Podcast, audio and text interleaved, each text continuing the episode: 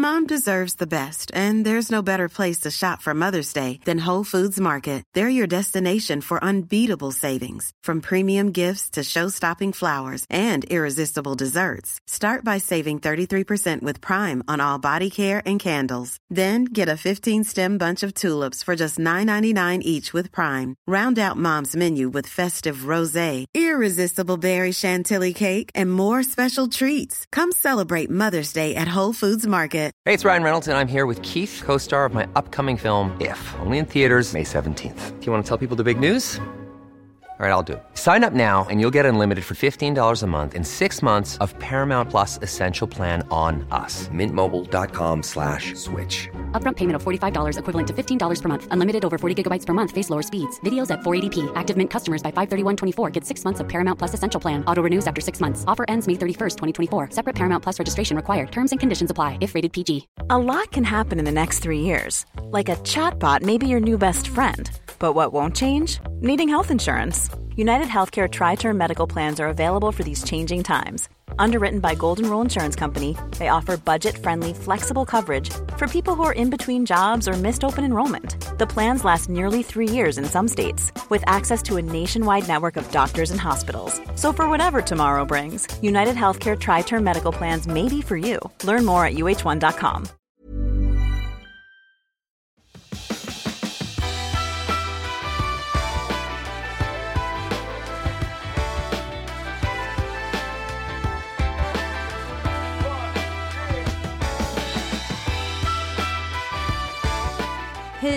och hjärtligt välkommen till Klimakteriepodden med mig, Åsa Melin. Ja, äntligen så ska vi få ha våra kroppar i fred. För ett tag sedan så såg jag rubriken “Lite hull skyddar skelettet under klimakteriet” och jag tänkte så här, wow, vad skönt, vad många som blir glada för att få höra det här. Att man ska kunna få bli lite skönt mullig i fred är det ju lätt då att man tänker. Och det här var faktiskt inte bara en löpsedelsrubrik utanför affären utan jag läste det här i, eh, eller snarare på en sajt som heter Vetenskap och hälsa som är ett samarbete mellan medicinska fakulteten vid Lunds universitet, Malmö universitet och sjukvårdsförvaltningarna inom Region Skåne. Så jag blev nyfiken. Jag tänkte det här är på riktigt. För det finns alltså forskning som tyder på att det är bättre att ha extra kilon än några för få om man bara ser till att minska risken för benbrott. Förutom sjunkande östrogen så ökar ju risken för benskörhet med ärftlighet, tidigare frakturer, rökning, stor alkoholkonsumtion och hög ålder. Så visst blir man nyfiken på att höra mer om det här, för hur hänger det ihop egentligen med hjärt-kärlsjukdomar och risken för metabola sjukdomar? Vad är optimalt egentligen? Och hur skapar vi en vikt som är hälsosam för att så många faktorer som möjligt ska trilla in till vår fördel? Och som alltid så vill jag veta vad jag kan göra själv och hur jag kan ta reda på om jag står i riskzonen för benskörhet. Så hoppas du är lika nyfiken som jag, för du är varmt välkommen att lyssna.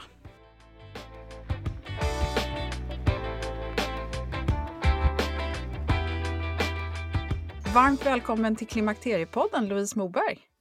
Tack så mycket och tack för inbjudan. Ja, men jättespännande att få ha dig med. Du är ju forskare och eh, knuten till Lunds universitet, men just nu så sitter du i södra Frankrike. Kan du inte berätta vem du är och vad du gör?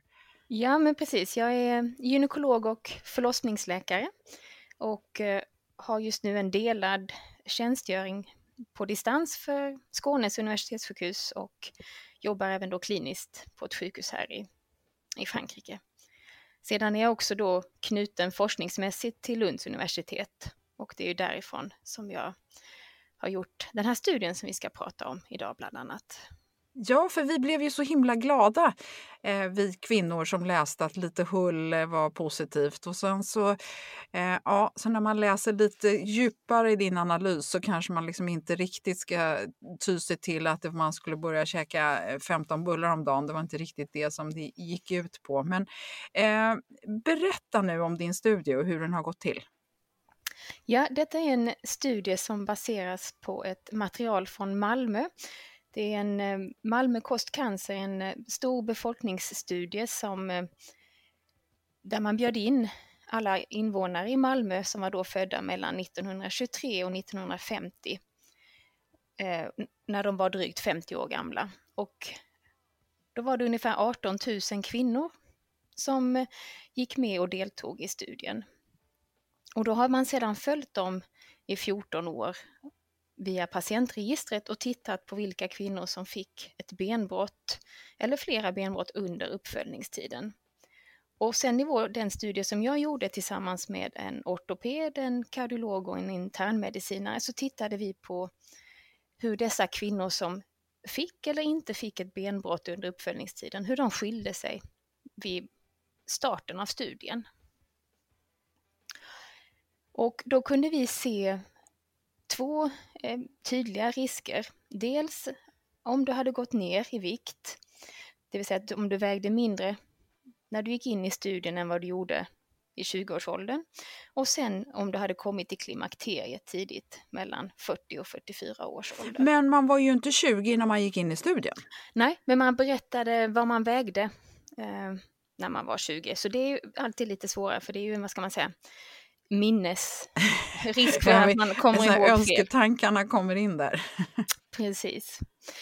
Um, sen ska man också då säga att den här studien är vad vi kallar en observationsstudie. Det är en studie som ger oss uppslag och tankar kring varför vissa händelser drabbar vissa grupper av individer. Det är inte en studie där man kan säga att det finns ett tydligt orsakssamband. Då behövs det andra sorters studier för att titta. Men för det kan finnas en tredje, en okänd faktor som vi inte har sett eller inte varit medvetna om. Eh, typ vad skulle det kunna vara? Ja, säg att alla kvinnor som eh, får benbrott eh, och som vi ser då att ja, men de väger lite mer, då kanske det är någonting annat eh, som de hade gjort som vi inte vet om helt enkelt, eller inte har sett. Att, att alla de hade råkat äta ett kilo ost i veckan eller någon sån där ja, sak. Nej, men, till exempel. Precis, till exempel. Ja. Någonting mm. som vi inte har kunnat ska man säga, titta på i studien. Mm. Du, men hur fick, jag är nyfiken bara på bakgrunden, för hur fick du idén till att göra det här arbetet som eh, gynekolog eh, och förlossningsläkare? Ja, min eh, forskning har, eh, det var egentligen en en slump. När jag var student så började jag titta på ett litet material på kvinnor som hade haft olika sorters eh, preventivmedel och om de då hade haft någon effekt på sin eh, bentäthet eh, som ett studentarbete. Och sedan så har jag på något sätt halkat in i det här med benskörhet, benbrott, framförallt då hos kvinnor kopplat till hormoner, klimakteriet. Eh, och har skrev, skrev min avhandling i detta, liksom, kring dessa ämnen. Så det var på det sättet som Ja, för det är ju jätteintressant det här med, med östrogen och skelettet och det har vi ju pratat lite grann om i Klimakteriepodden tidigare. Vi, vi ska komma tillbaka till det, men mm. många blev ju lite glada när de läste det här att lite hull ska, uh, skulle skydda skelettet. Vad menas egentligen med det då? Hur var den här studien uppbyggd? I den här studien så tittade vi på hela den här stora gruppen av kvinnor eh, som var med eh, i Malmö kostcancer och tittade på hur, dels hur de hade svarat på sitt frågeformulär när de gick in i studien och resultatet av de undersökningar som gjordes när de gick med i studien. Man mätte deras vikt och deras längd. Och då tittade vi på snittvikten på de kvinnor som fick ett benbrott och på de kvinnor som inte fick ett benbrott under uppföljningstiden efter det att de gick med i studien. Och då kunde vi se att de kvinnor som inte fick ett benbrott hade något kilo mer i snittvikt än de kvinnor som fick ett benbrott på hela bunten kvinnor så att säga. Precis. Oavsett vad de gick in med, om de mm. var överviktiga från början eller underviktiga från början eller vad man nu ska ja, säga. Ja, så att egentligen så pratar vi, för det första så pratar vi om väldigt liten viktökning. Mm. hur ska man tänka som individ när man hör det här då? Det är ju att, att vara överviktig är ju, finns ju andra hälsorisker, men är det så att du ur skelettsynpunkt har något kilo för mycket så är det ur skelettsynpunkt inte en nackdel. Det är väl snarare så man får tänka. Ja, och när du säger något kilo för mycket, är det då i förhållande till BMI eller hur ska jag som individ mm. tänka? Ja, det får man utgå från. Det är ju, BMI är ju den eh, vad ska man säga, måttstocken för där får du ett, en, en, din vikt i förhållande till din längd. För, för det exakta antalet kilo som man bör väga är ju avhängigt av din längd också. Ja.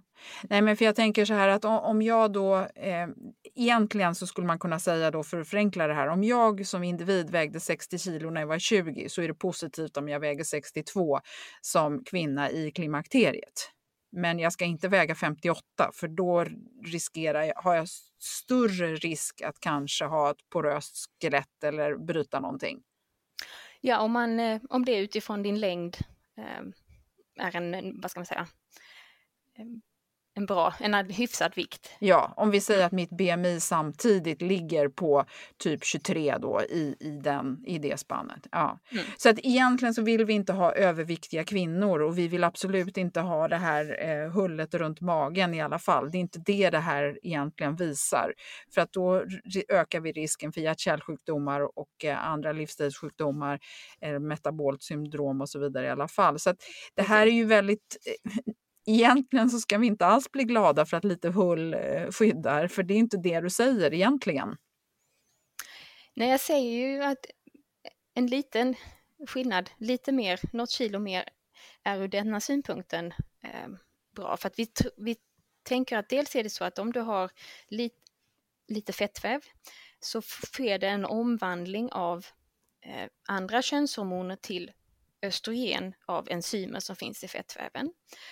Ehm, det är också att har du något kilo mer i vikt så belastar du skelettet lite mer, vilket kan göra det lite starkare eller, och lite hållfastare.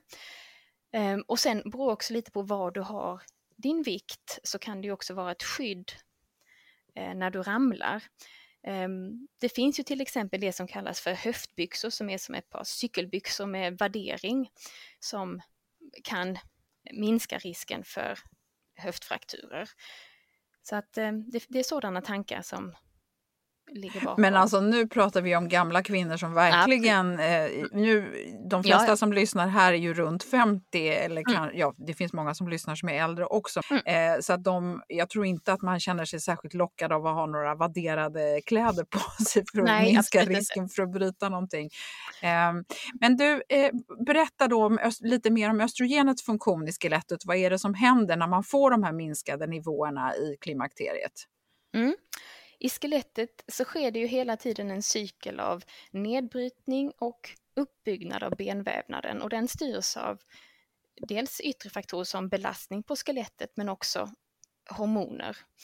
Ehm, och det finns olika celler i benvävnaden som då är involverade i detta arbetet. Vi har celler som heter osteoblaster som hjälper till att bygga upp och sen har vi celler som heter osteoklaster som eh, bryter ner. Och benskörhet eh, beror på en obalans i de här liksom cellgrupperna. Så att det är mer eh, ben som bryts ner än vad som byggs upp. Och då får du slutresultatet blir att du får en minskad benvävnad och ett skörare skelett. Eh, och båda de här två eh, celltyperna som finns i skelettet påverkas av östrogen och i samband med klimakteriet så sjunker östrogennivåerna och då blir effekten att osteoklasterna, de celler som eh, bryter ner skelettet, de ökar och osteoblasterna, de som ska fylla på det nya skelettet, de, deras aktivitet minskar. Så att du får mer nedbrytning och mindre uppbyggnad eh, och då blir slutresultatet att du får ett skörare skelett. Mm. Och hur lång tid tar det här då? Om vi nu utgår ifrån att vår ändå hormonomställning är ganska så snabb runt 50. Mm. Och även om man då bestämmer sig för att ta en hormonbehandling så får man ju väl, har man ju relativt sett ganska låga nivåer jämfört med under sin fertila ålder. Så den, man kan ju inte liksom bara tänka att ah, ja, ja, men jag tar hormoner så det spelar ingen roll, för de är ju ändå inte normalt sett livslånga. Så att vi måste ju ändå jobba för skelettet, tänker jag. Absolut, eh, och ungefär 10% av eh, skelettet omsätts ehm, varje år. Och skelettet har ju två sorters jag ska säga, benvävnad. Man har det, den som kallas för det kompakta benet som är liksom utsidan eh, och sen har man det som är inuti som kallas för trabekulärt, liksom ehm, inuti till exempel kotkroppar. Och den här eh, omställningen som sker i samband med klimakteriet, det drabbar framförallt det, det, det som kallade trabe, trabekulära benet och det finns framförallt i kot och det finns i underarmar um, och det är därför många av de här ska man säga, klassiska frakturerna som man får kring klimakteriet är just där. Och det som man då som individ kan göra så för att liksom förebygga det porösa skelettet är ju att försöka vara fysiskt aktiv. Um, röker du så ska du helst sluta. Eller Får jag bara fråga där, man pratar hela tiden mm. om rökning. Eh, gäller samma sak vid snusning? Eller andra typer av nikotinprodukter? Eller är det rökningen i sig? Det är svårt så vitt jag vet finns det inte så mycket studier på snus och, eh, och de här nya, vad ska man säga, e-cigaretterna. Eh, att man kan, i alla fall jag kan inte i nuläget eh, säga något tydligt kring. Ehm, vi vet att rökningen i alla fall påverkar bland annat östrogennivåerna eh, så att de blir lägre och ofta kommer man i klimakteriet lite tidigare när man röker, vilket också ehm, är en nackdel. Eh, sedan är det också viktigt vad du äter. Du ska äta en allsidig kost, du ska få i dig tillräckligt mycket proteiner, kalk, ehm, D-vitamin. Ehm, man ska ju gärna vara ute en liten stund i solen eller solljus eh, varje dag, men det är ju inte några långa stunder. Ehm, under sommarhalvåret så räcker det ju med att du är ute i, är du ute i shorts och t-shirt en kvart, två till tre gånger i veckan så får du ditt fulla behov av D-vitaminomvandling i huden. Eh, sedan ska du också, har du vissa eh, sjukdomar med dig som gör att du kanske har ökade risker för ett skörare skelett eller du tar vissa mediciner, så kanske man behöver vara ibland kanske lite förebyggande med medicinering för eh, benskörhet. Mm. Jag kan lägga till där bara att vi har ju precis gjort ett avsnitt om D-vitamin och där kan du eh, gå tillbaka då så pratade vi väldigt mycket om hur man kan få i sig D-vitamin utan att eh, eh man vistas i solljus, vilket kan vara en utmaning i Sverige året runt eh, och det är avsnitt 303. Eh, men jag vill också komma tillbaka till det här med, med olika sorters hull eller vikt, för jag kan inte Eh, jag skulle själv vilja bli lite tyngre, men då är inte det, nu vill inte jag gå upp i vikt av att lägga på mig fett, utan jag skulle ju vilja bygga muskler. Eh, och det är inte så himla lätt. Jag tänker så här att man liksom, om jag börjar äta mer så, måste, så tränar jag mer och, och då blir det så lite hull eller vikt, vilket är vilket och vad är det som är bra där? För att du pratar ju om träning nu och hur ska man göra det här så att det blir en, en optimal grej för hälsan generellt? Ja, ur, ur skelettsynpunkt så är det ju framför, framförallt träning med belastning som är eh, det viktiga. Alltså eh, springa, jogga, eh, gympa med hopp, dansa. Det är där du liksom får lite, ska säga, inte stöta, men där, där, där skelettet belastas. Ehm, det finns ju andra motionsformer som är jättebra som simning till exempel, men det belastar ju inte skelettet. Ehm, och precis som du säger, det här med att bygga muskler kontra att ha fettvävnad, ehm, det är ju, tittar man bara på vikten går det ju inte att särskilja vad som är vad. Nej, för jag tänker att det blir ju så lätt att vi tappar, vi, vi tappar ju muskelmassan ändå. Så det är ju väldigt mm. lätt att man tappar i vikt mm. i den här åldern om man inte samtidigt går upp fettmässigt så att säga. Mm. Så att det blir, eh, man kan ju säga ah, nej men jag har inte gått ner i vikt, vad bra. Men risken är ju att den vikten man har gått upp istället är en negativ vikt. Så att jag skulle bara vilja mm. komma åt vad, hur, hur gör man det här på ett optimalt sätt då? Då för att bygga muskler så behöver man ju också styrketräna, kan ju vara ett eh, bra alternativ till det. Ehm, och sen en som, en som sak är viktig ur, vad ska man säga, fallsynpunkt är ju balansträning. Ehm, för att om du riskerar att falla så ökar du också risken för benbrott. Så kan du hjälpa till att styrka din musk eller stärka dina muskler och eh, träna din balans så är ju det också mycket vunnet ur skelettsynpunkt. Ja.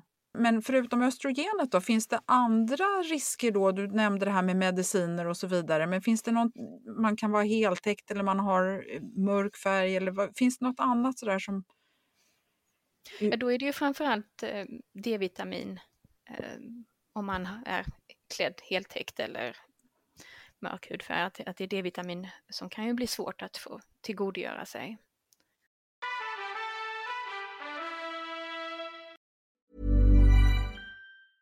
You should celebrate yourself every day, but some days you should celebrate with jewelry. Whether you want to commemorate an unforgettable moment or just bring some added sparkle to your collection, Blue Nile can offer you expert guidance and a wide assortment of jewelry of the highest quality at the best price. Go to BlueNile.com today and experience the ease and convenience of shopping Blue Nile, the original online jeweler since 1999. That's BlueNile.com. BlueNile.com. There's never been a faster or easier way to start your weight loss journey than with PlushCare. PlushCare accepts most insurance plans and gives you online access to board-certified physicians who can prescribe FDA-approved weight loss medications like Wigovi and Zepbound for those who qualify.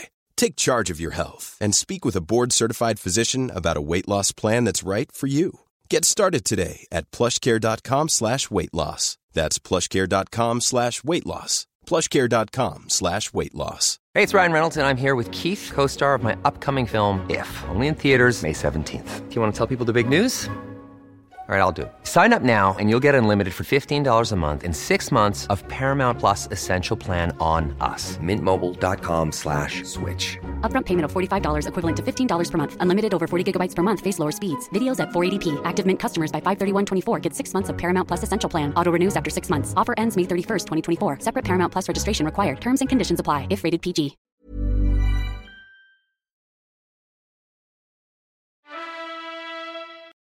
Hur, vad är din inställning till det här med hormonbehandling då? Hur mycket tycker du att det påverkar eller inte påverkar? Du tänker ur skelettsynpunkt? Ja.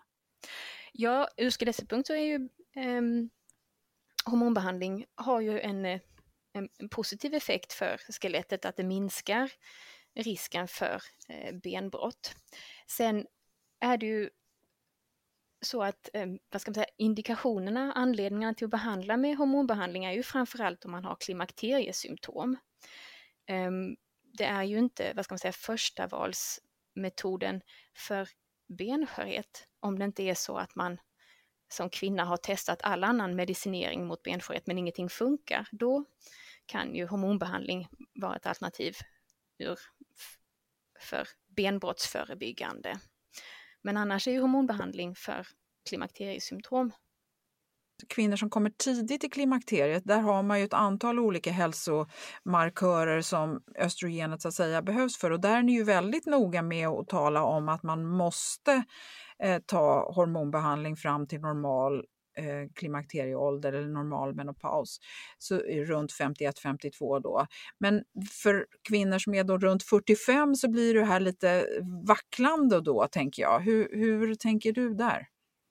Ja, precis. Och det var ju ett av de fynd som vi också såg i vår studie, att de kvinnor som hade kommit till klimakteriet innan 40 års ålder, där såg vi ingen ökad risk för benbrott, medan de som hade kommit till klimakteriet mellan 40 och 44, där såg vi faktiskt en ökad risk för benbrott. Och det kan ju vara så att dels kanske dessa kvinnor inte har sökt vård för man har tänkt att ja men detta är ju nästan normalt eh, och att vi inom sjukvården kanske inte har uppmärksammat det lika eh, mycket. Medan precis som du säger att yngre kvinnor där man kanske ger en behandling eller man tvingas operera bort äggstockarna av någon anledning så är vi ju väldigt måna om att de ska ha hormonbehandling fram tills normal klimakterieålder.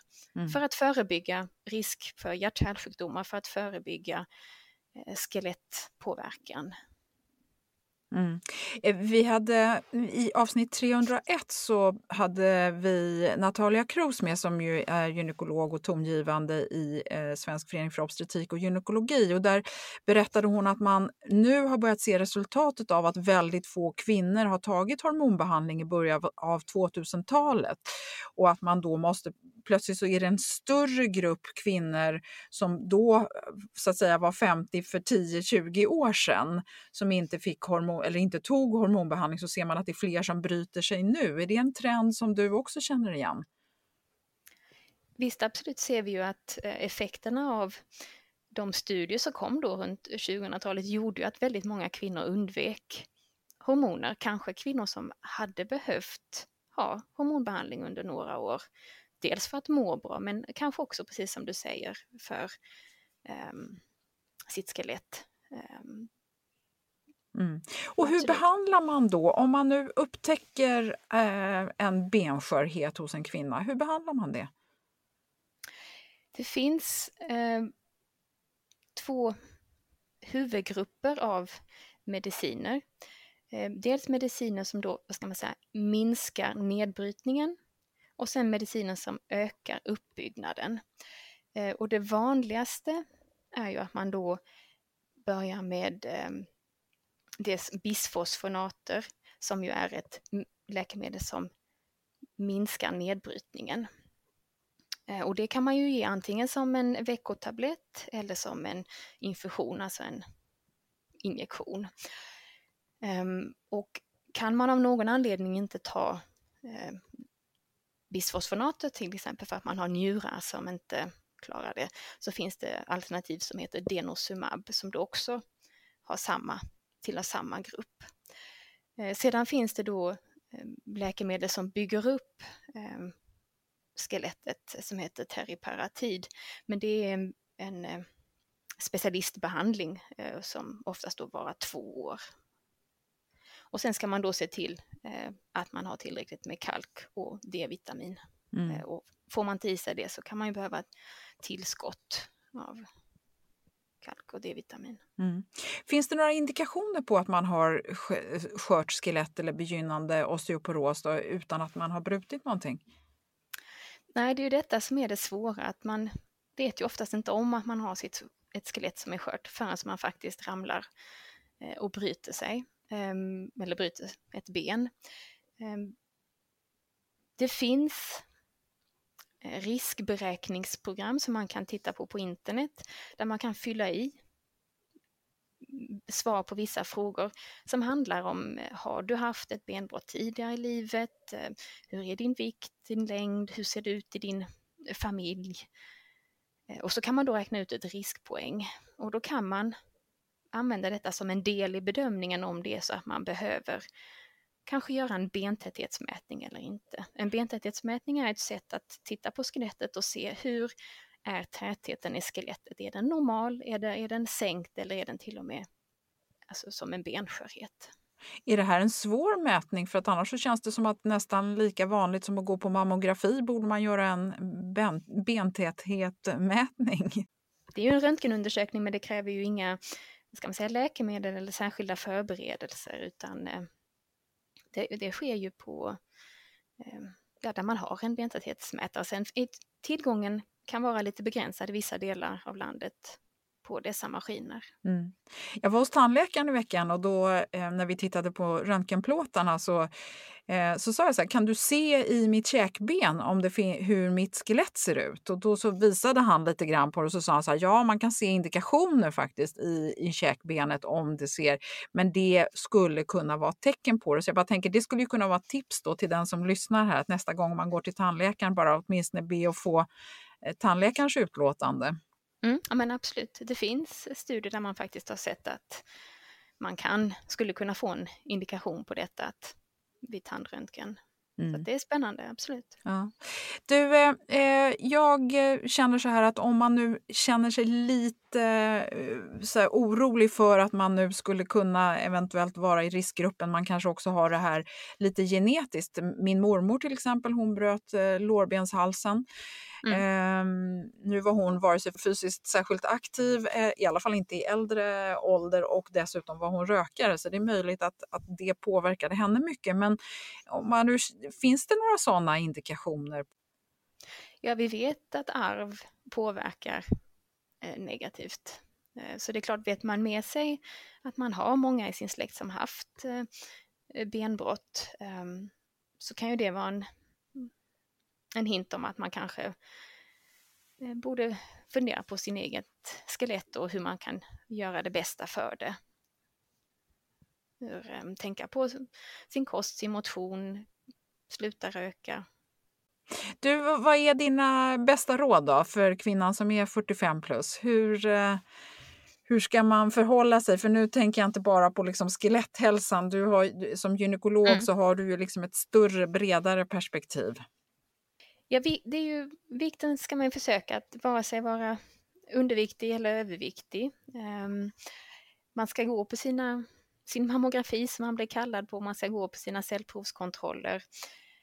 Um, röker du så ska man ju försöka sluta. Det finns ju hjälpmedel som kan hjälpa och underlätta eh, rökstopp.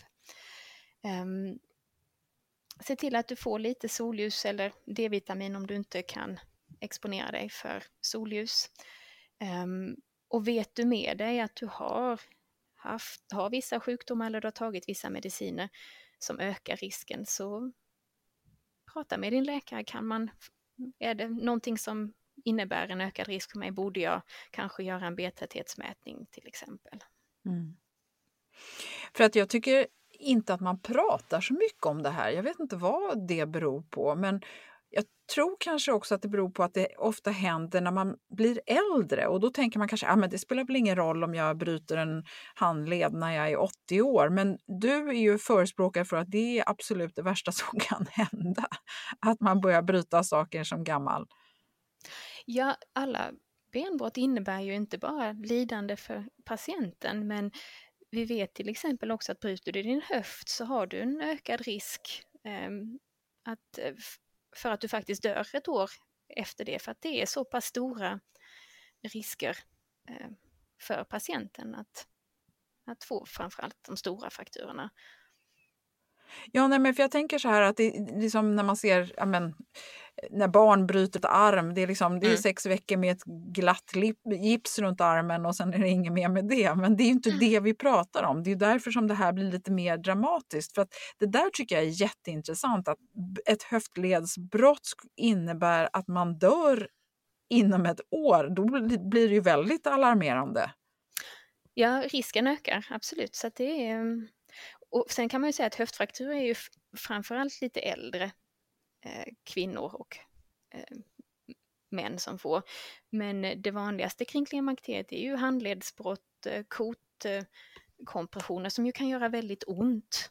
Ehm, för och hur, hur, få, hur utsätter man sig för risken för en kotkompression? Det kan ju vara till exempel ett fall.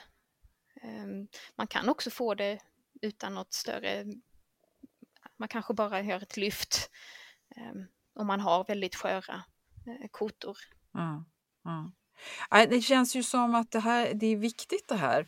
Eh, om man mm. är nyfiken på eh, att lära sig mer så finns det en länk på klimakteriepodden.se till den här eh, studien eh, i sin helhet och också en lite förenklad version som eh, ni hade lagt upp från eh, Vetenskap och hälsa som är ett samarbete mellan medicinska fakulteten vid Lunds universitet och Malmö universitets och sjukvårdsförvaltningarna inom Region Skåne.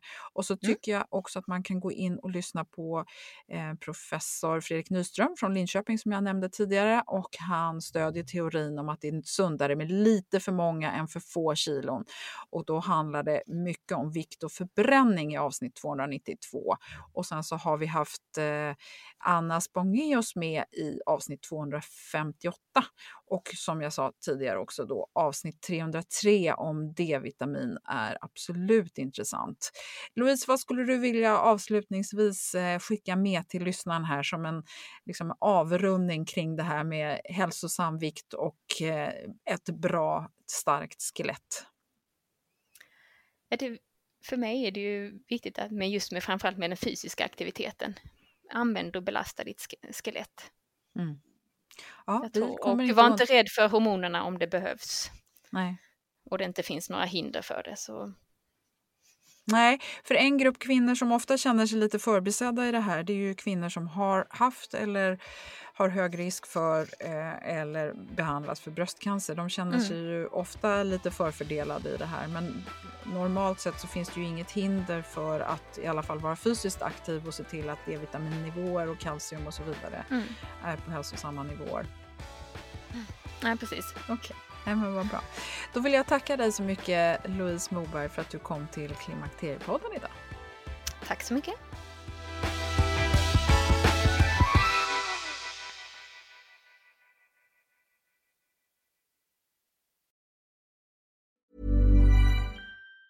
Have catch yourself eating the same flavorless dinner three days in a row? Dreaming of something better? Well, HelloFresh is your guilt-free dream come true, baby. It's me, Gigi Palmer. Let's wake up those taste buds with hot, juicy pecan crusted chicken or garlic butter shrimp scampi. Mm. Hello Fresh. Stop dreaming of all the delicious possibilities and dig in at HelloFresh.com. Let's get this dinner party started. Planning for your next trip? Elevate your travel style with Quince. Quince has all the jet setting essentials you'll want for your next getaway, like European linen premium luggage options, buttery soft Italian leather bags, and so much more. And is all priced at 50 to 80% less than similar brands. Plus, Quince only works with factories that use safe and ethical manufacturing practices. Pack your bags with high-quality essentials you'll be wearing for vacations to come with Quince. Go to quince.com/pack for free shipping and 365-day returns. Imagine the softest sheets you've ever felt. Now imagine them getting even softer over time. That's what you'll feel with Bowl and Branch's organic cotton sheets. In a recent customer survey, 96% replied that Bowl and Branch sheets get softer with every wash. Start getting your best night's sleep in these sheets that get softer and softer for years to come. Try their sheets with a 30-night guarantee. Plus, get 15% off your first order at bowlandbranch.com. Code BUTTERY. Exclusions apply. See site for details.